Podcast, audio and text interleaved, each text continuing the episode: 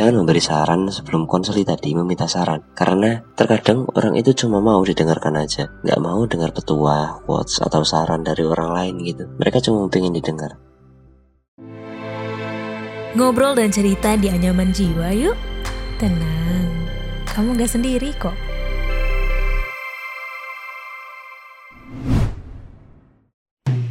Kamu, para fresh graduates yang pengen tahu serba-serbi dunia kerja profesional, serta hak dan kewajiban karyawan dan perusahaan, yuk dengerin Podcast Obsesif, persembahan Medio by KG Media, hanya di Spotify.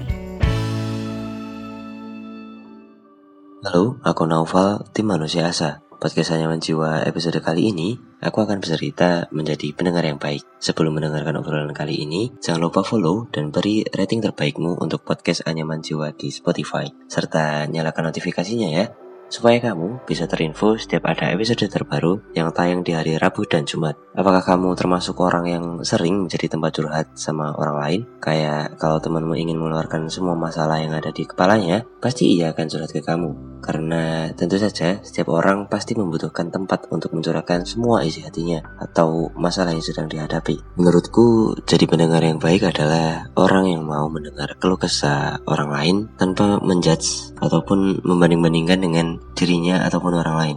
Jadi ya dengerin aja gitu. Kita baru kasih saran kalau dia minta dan saran itu sifatnya nggak memaksa karena terkadang orang mau curhat dengan orang lain karena mereka ingin ceritanya itu didengar. Dia nggak mau dikasih saran. Ya pokoknya pengen orang lain denger aja gitu.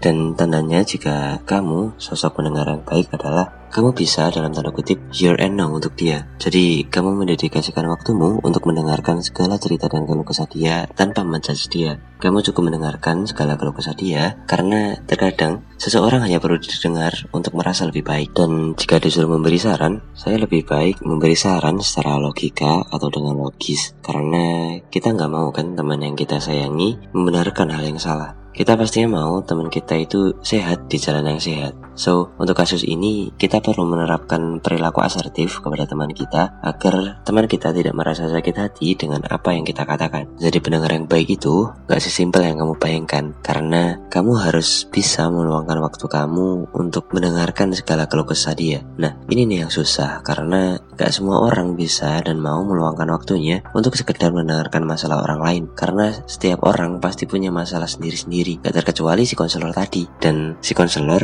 perlu fokus untuk mendengarkan setiap detail cerita konseli, sehingga konselor bisa menerima dan mampu mengerti setiap masalah yang sedang dihadapi oleh konseli. Dan hal yang perlu dihindari saat menjadi pendengar yang baik adalah jangan pernah membanding-bandingkan masalah konseli dengan masalah pribadi atau masalah orang lain. Karena ini bisa bikin orang yang curhat tadi jadi tambah stres karena makin overthinking. Jadi, kalau dicurhatin, hal pertama yang harus kamu lakukan adalah berempati. Hal lain yang perlu dihindari adalah menjudge orang yang sedang curhat dengan kamu. Kamu perlu memberi dukungan buat dia agar dia semangat dalam menyelesaikan masalahnya. Dan yang terakhir, Jangan memberi saran sebelum konseli tadi meminta saran Karena terkadang orang itu cuma mau didengarkan aja. Nggak mau dengar petua, quotes, atau saran dari orang lain gitu. Mereka cuma pengen didengar. Dan salah satu cara simpel aku untuk menjadi pendengar yang baik adalah mendengarkan. Ya, pokoknya dengerin aja. Kamu nggak perlu bingung mau nanggepin apa pas sesi konseling.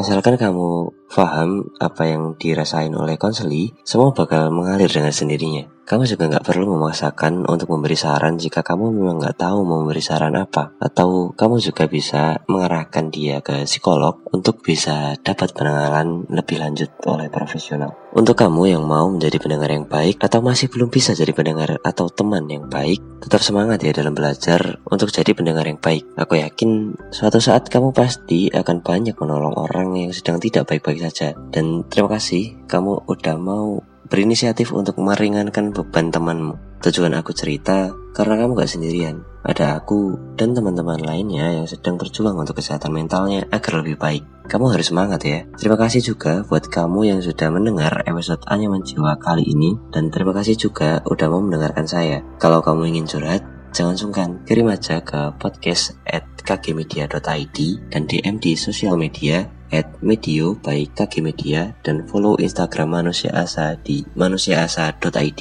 Saya Noval dari tim Manusia Asa. Ditunggu episode lainnya ya. udah selesai episode kali ini. Tungguin episode Anyaman Jiwa selanjutnya ya.